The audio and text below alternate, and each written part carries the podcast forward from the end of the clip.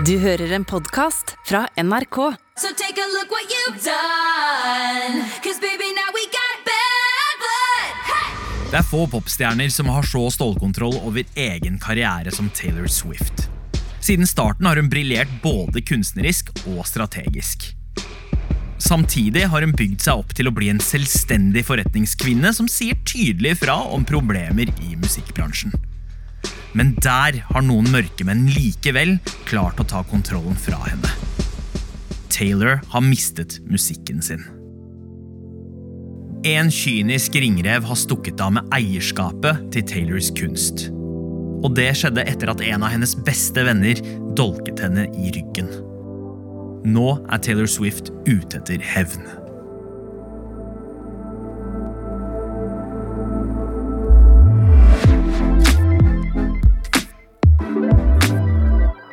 Velkommen til Musikkrommet. Jeg heter Sandeep Singh. Taylor Swift står nå midt i en maktkamp i musikkbransjen. Og det hele starter med et svik som Taylor og hennes fans aldri kan tilgi. And of course, he's nice to you. If you're in this room, you have something he needs. The fact is that private equity is what enabled this man to think, according to his own social media post, that he could buy me. But I'm obviously not going willingly. Buy me, sier Taylor Swift her. Eh, Og hun snakker jo om livsverket sitt. Og det er en mann hun har elska å jobbe med, som har solgt det til en fyr hun hater. Og nå bruker jeg store ord her, det er elsk og hat, men som alt som har med Taylor Swift å gjøre, så er det store følelser og store summer som er i sving. Ragnhild Laukholm Sandvik er kulturjournalist i NRK og har dykket dypt ned i Swift-sfæren. Taylor Swift eh, trenger jo ingen eh, introduksjon, hun er jo tross alt eh, en av verdens aller største popstjerner. Men her er det altså to menn som Taylor slåss mot. Og den første mannen jeg refererer til her, eh, som Taylor Swift har et 15 år langt forhold til, er jo en eh, mentor. Han som oppdaga talentet, en nær venn. En mann som har vært med på å utvikle Taylor Swift til å bli den gigapopstjerna hun er i dag. De to var så close, og det er jo en av grunnene til at det her har blitt så bittert. Og han heter Scott Borchetta, en kar som Taylor blir kjent med i Nashville. Ja, da er jo hun en ung eh, person, tenåring, og altså, det det vi må si om Taylor Swift, er at hun har jo alltid vært en strateg. Allerede som barn så spesialiserte hun seg på å synge The Star Spangled Banner, for det ga syngejobber foran sånne idrettsarrangement som basketkamper og sånn.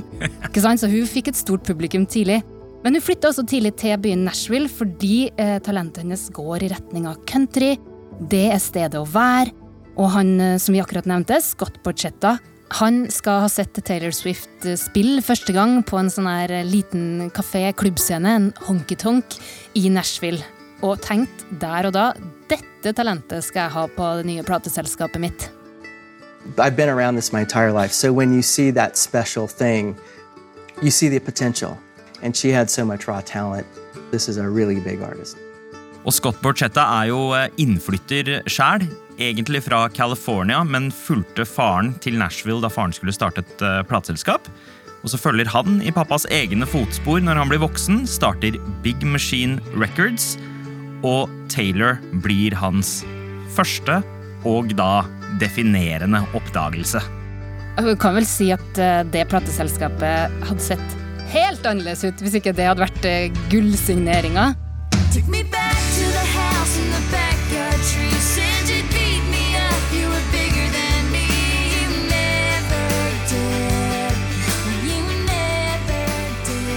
Her i starten så er det en tillit og en utvikling og en artist som jo skriver låter i hopetall, får hjelp av samarbeidspartnere til å foredle talentet, og kommer ut med ei debutplate som slår rekorder.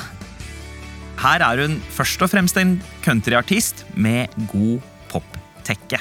Historiefortellinga inni sangene er jo der på en måte fra starten av, men publikum hennes er jo, ja, som du sier, det er dem som forventer country, og man hører noe banjo, og det er noe slide, og det er, den, det er innpakninga på Taylor Swift fra starten av.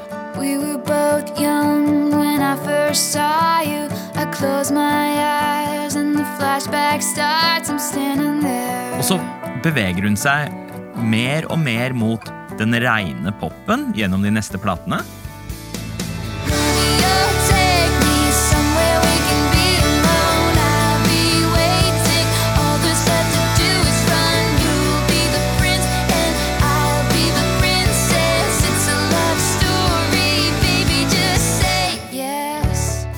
Det starter kanskje allerede på plata Fearless, med, som også breaka med gigahiten Love Story.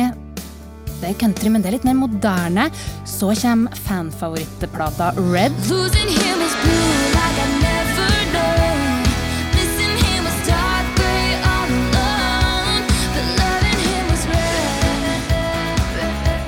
Dette er mer eh, popmusikk, og hun begynner å figurere på de listene ikke sant?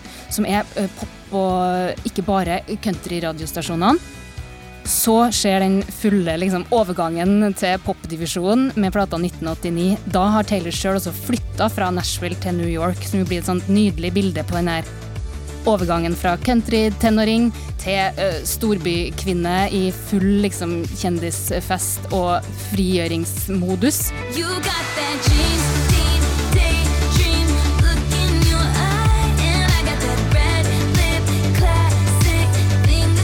Og på 1989-plata så nevner sånne ting som er helt uhørt i countryverden, f.eks. skeiv tematikk da inni tekstene. Hun samarbeider med Max Martin, det er glossy, det er storslått. Nå er det tid for å være popstjerne. Hvor stor rolle har Scott Borchetta spilt i denne utviklingen Taylor da har tatt til nå? Han har jo vært eh, leder for selskapet hennes og i tett dialog vært med å velge ut hva skal bli de store singlene, hva skal være liksom profilen. Og så har vel han eh, på et tidspunkt kanskje ønska at hun skulle bevare litt av den opprinnelige Taylor Swift. Det, det som gjorde dem, det som starta deres samarbeid i Nashville, det som gjorde henne stor, hold på pu- countrypublikummet. Taylor Swift på sin side tenkte vel eh, nå går jeg for noe annet. Det er et sitat fra Taylor Swift som er du kan ikke jage to kaniner samtidig, for da mister du begge. Så hun gikk for den ene kaninen, og det var pop. Mens Scott Borchetta kanskje ville holde igjen litt i country, og der eh, var det nok kime til konflikt. Og her virker det jo som at eh, Taylor Swift nærmest vokser seg for stor for et lite plateselskap som Big Machine. Ja, hun er jo gigastor på det her tidspunktet, og etter da, det som blir hennes sjette album, Reputation, så tar hun farvel og sier eh, no more Big Machine Records. Hun eh, skal videre.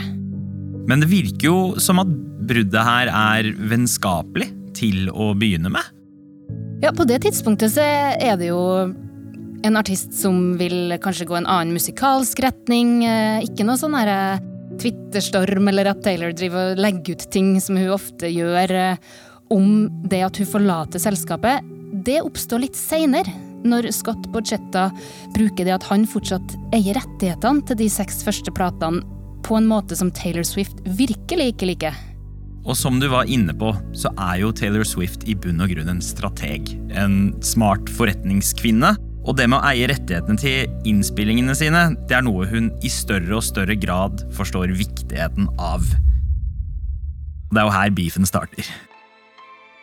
Når man er i den størrelsesordenen som Taylor Swift er, så er det klart at bare det at låtene blir spilt så sinnssykt mange millioner ganger, genererer jo inntekter måned for måned, år etter år. Så det at Scott Budsjetta sitter på rettighetene til altså hele seks album, er jo enorme summer. Og for framtida også.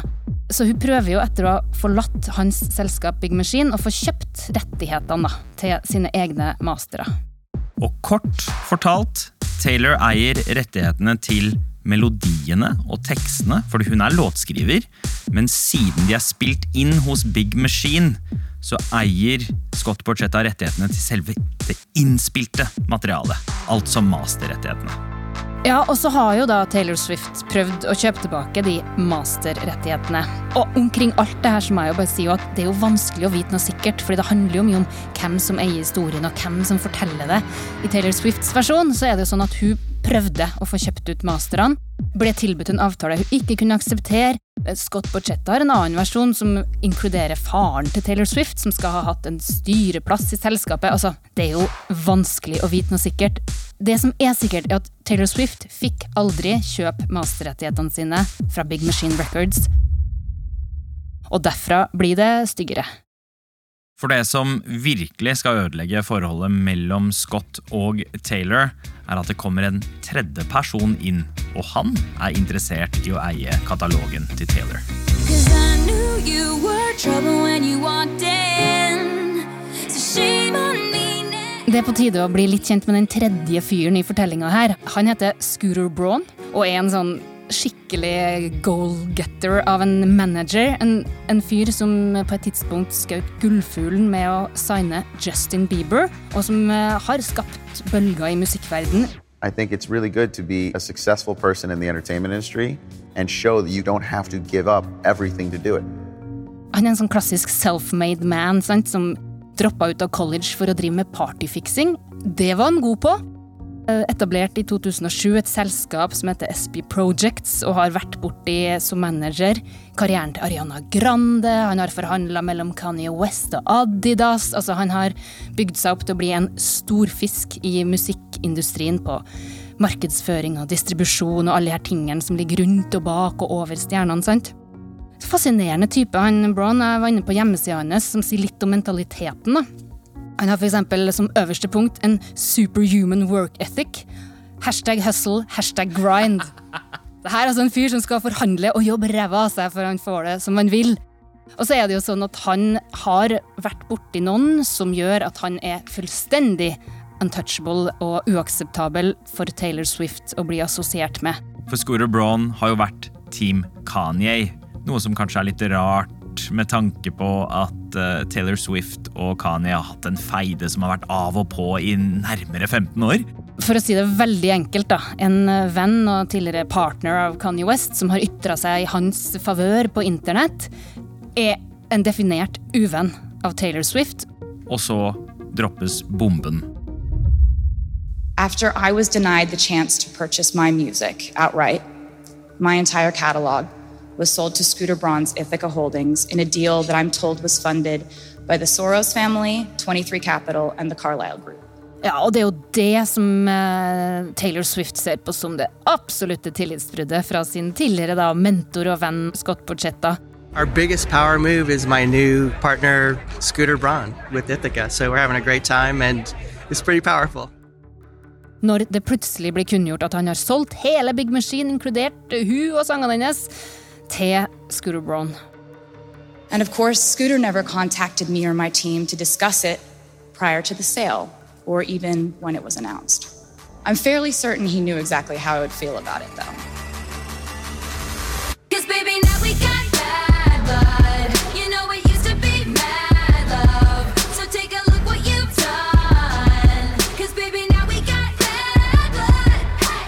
Um, ifølge Taylor så finner jo hun ut av dette på nyhetene som et vanlig menneske.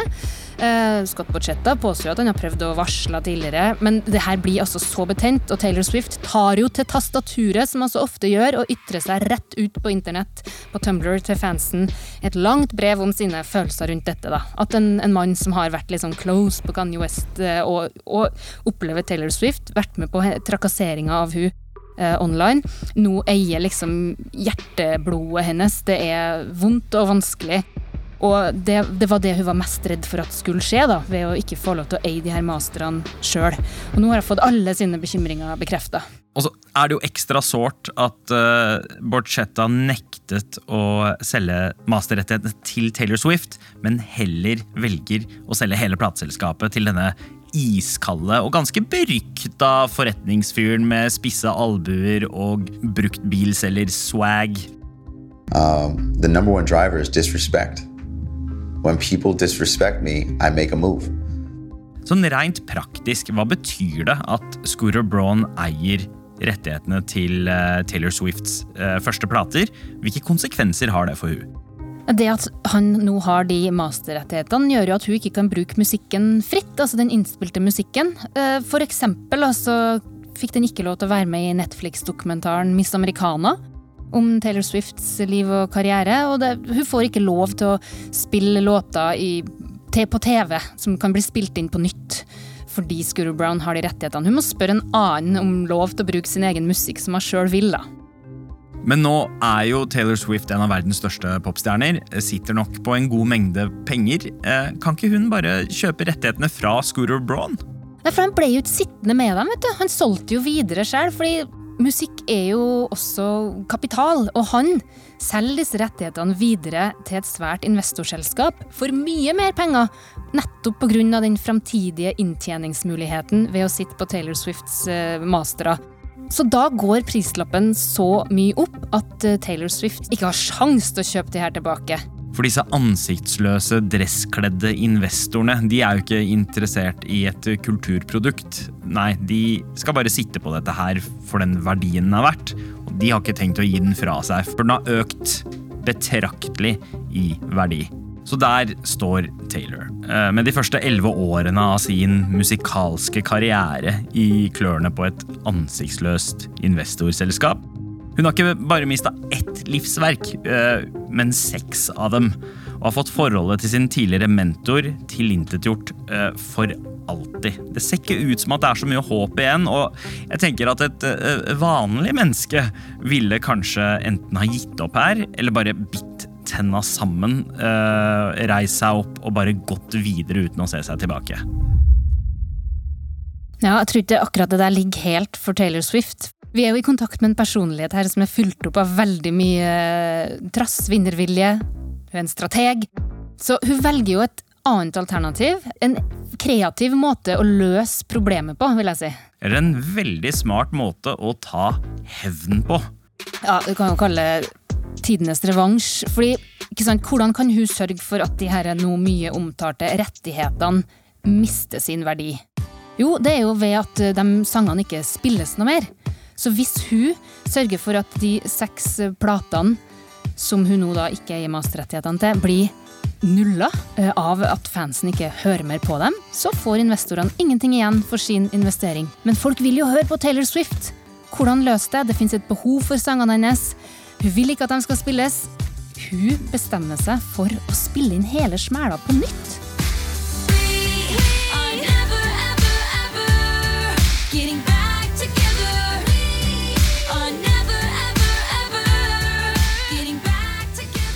For er det noe eh, Taylor veit, så er det jo at eh, hennes verdi i stor grad ligger hos Swifties. Fordi hvis musikken hennes ikke blir spilt, så er den jo ikke verdt noe. Og når hun sier til Swifties, da, som er de her ekstremt lojale fansen, ikke, ikke strøm og spill de, de gamle innspillingene, spill mine nye versjoner, da får ikke investorene som eier de gamle innspillingene, noen ting.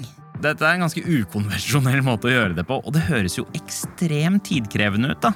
Å spille inn seks plater på nytt. Jeg tror at ønsket om å ta denne hevnen, eller få sin revansj, eie rettighetene, eh, har vært en ekstremt sterk drivkraft. Og så tror jeg også at hun er på et sånt sted kreativt som, eh, hvor det liksom det flyter for Taylor Swift. da. I 2020 så ga hun ut to plater som er ny, altså i en annen retning igjen, mer sånn indie-folk-aktige folklore og Evermore. Samtidig som hun også i 2021 gir ut to av de her nyinnspilte gammelplatene med Fearless og Red. sånn at det, det, det hamres jo på med timer i studio, og samtidig liksom kreativitet. Fordi det som også skjer når hun spiller inn gammelt materiale på nytt, er jo at Taylor Swift benytter anledningen til å videreutvikle noen låter, gi fansen litt sånne hidden tracks eller ting som hadde havna i skrivebordsskuffen før. Hun klarer å gjøre den litt sånn traurige opphentingsjobben også til en kreativ og kunstnerisk suksess, da. Og mens hun driver eh, dette omfattende prosjektet drevet av eh, en hevnlyst og fandenivoldskhet, så klarer hun attpåtil å slå noen rekorder. Ja, det er jo helt uh, utrolig. Uh, I nyinnspillinga av uh, plata Red, så klarer hun å gi ut en timinuttersversjon av en gammel låt. Og så klarer hun å toppe Billboard-lista, hitlista, i USA med denne låta. Første gang en så lang låt blir liksom en hit. Så det å liksom gjøre unna kontorarbeidet for å få masterrettighetene i orden, har satt nye rekorder.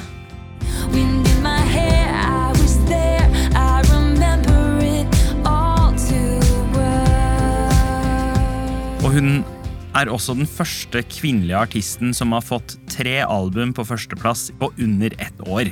Ja, for det, dette som vi har snakka om med lojalitet fra kjernepublikummet, Swiftisen, det har jo slått det i fullt monn, kanskje som hun så for seg. Det blir Det er jo det er sikkert av musikkglede og lengsel etter å høre på Taylor, men det er nesten så det har gått litt sport i det òg, tror jeg. At nå skal det, nå skal det strømmes av disse nyversjonene, da, som, og dermed liksom sette spikeren i kista for, eh, for investorene som endte opp med å eie de gamle masterrettighetene, så de skal skjønne at det blir ikke noe mye å tjene på det. Så det er en dugnadsånd fra, fra The Swifties her.